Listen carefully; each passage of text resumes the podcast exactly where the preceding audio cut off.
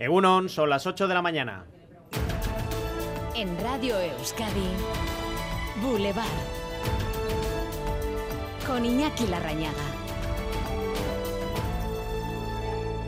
Último lunes del mes de agosto con poca luz y mucha lluvia. Tal vez un tiempo que coincida con el estado de ánimo de gente que da por terminadas sus vacaciones y regresa a la rutina del trabajo. Mucho ánimo a esas personas, aunque al contrario, puede que otros muchos prefieran retomar el día a día con un tiempo fresco y menos atosigante, sin tentaciones de playa además. Una vuelta a casa que en algunos casos está resultando tardía y accidentada. En el aeropuerto de Mallorca, muchos vascos se han quedado en tierra debido al temporal que ha azotado las Islas Baleares.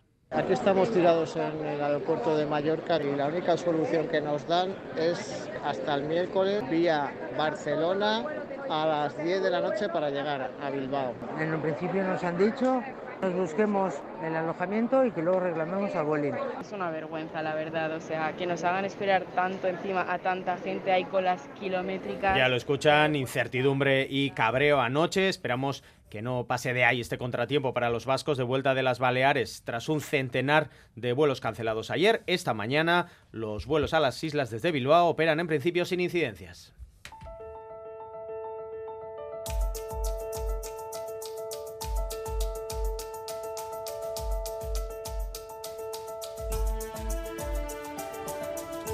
Unos dan por terminado el verano en un aeropuerto, otros en los márgenes de la ría de Bilbao con la quema de Marijaya.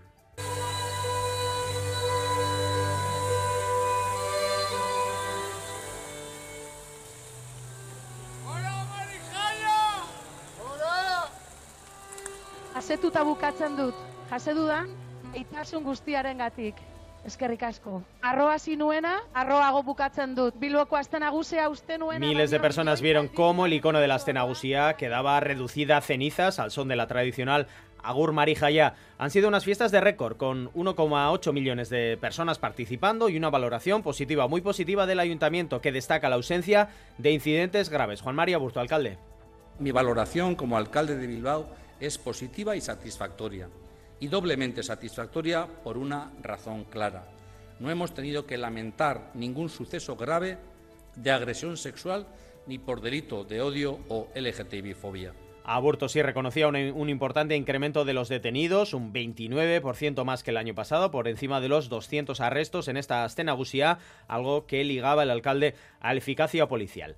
Hoy además nuevo episodio del caso Rubiales, dos citas que pueden dar la puntilla a la hora suspendido presidente de la federación. ¿Cuáles son, Gary Suárez? Pues por un lado está esa reunión urgente y extraordinaria convocada por la Federación Española de Fútbol. Se celebrará esta tarde y el objetivo es analizar la situación actual y evaluar las decisiones o actuaciones a adoptar. De hecho, este es el único punto del día. Todos los presidentes de federaciones de ámbito autonómico y territoriales están convocados y a ella acudirán también los cuatro representantes vascos. El otro punto de atención, la reunión también extraordinaria del Tribunal Administrativo del Deporte que analizará la denuncia que el Consejo Superior de Deportes ha elevado contra Rubiales, una denuncia por abuso de autoridad y falta de decoro. En esta reunión se decidirá si se abre o no un procedimiento por infracción grave contra Rubiales a acciones administrativas, judiciales que engarzan con las protestas en los estadios. En San Mamés anoche un, una pancarta desplegada contra Rubiales y hubo algunas proclamas pidiendo su cese, aunque ni de lejos fueron mayoritarias. Sí que hubo aplausos a jugadores que se han mostrado en público contra Rubiales.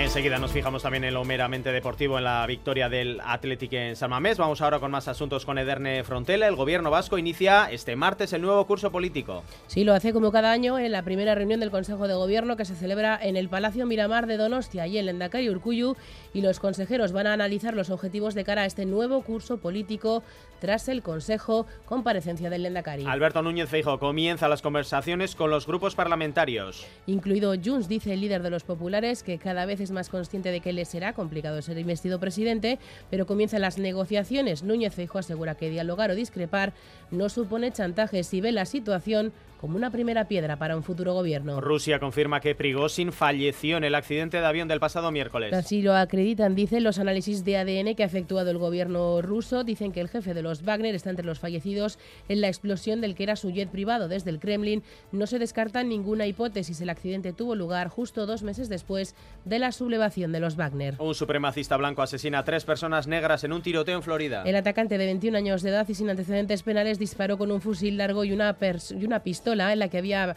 grabado una esvástica a varias personas que se encontraban en el interior de una tienda. Las víctimas, dos hombres y una mujer negros que aparentemente fueron elegidos al azar por el asesino. El sheriff del condado señala que la gente es mala, no culpa las armas. Los hechos han tenido lugar cuando se conmemoran los 60 años del I Have a Dream de Martin Luther King. Avance de la información deportiva que arrancamos en San Mamés. Álvaro Fernández Cadierno, Egunon. Egunon, con ese domingo redondo para nuestros equipos de fútbol, con esa victoria que mencionas del Atlético 4-2 ante el Betis, remontada incluida y de Osasuna 1-2 frente al Valencia. En segunda, la Morevita le metía 3 al Andorra. Hoy tenemos dos choques más, el Getafe Alaves en primera división, el Eldense Eibar en segunda, en remo victoria de Urdaibai en Guetaria que prácticamente sentencia la liga y en pelota título para Ezcurdia Zabaleta en la escena de Bilbao se imponían a Peña y Mariez Currena por 22 a 17. Boulevard. El tiempo. Vamos con el pronóstico del tiempo de esta jornada de lunes eh, gris y lluvioso con Nayara Barredo, Unón. Egunon, buenos días. Hoy continuaremos con tiempo de aspecto otoñal. Seguirán entrando chubascos desde el mar y descargarán de forma más intensa la vertiente cantábrica, sobre todo en el este y durante esta primera mitad del día. En la mitad sur también lloverá, pero lo hará de forma más débil y ocasional. El ambiente se mantendrá fresco, con máximas un día más en torno a los 20-21 grados como mucho, y además el viento soplará racheado del noroeste, de modo que el ambiente será algo desapacible y aumentará esa sensación de ambiente fresco. Así que seguimos con este ambiente fresco otoñal y con chubascos que serán más abundantes un día más en la vertiente cantábrica. Repaso de las temperaturas en las capitales, 14 grados en Vitoria-Gasteiz, 15 en Iruña, 17 en Bilbao, 18 en Donostia y en Bayona.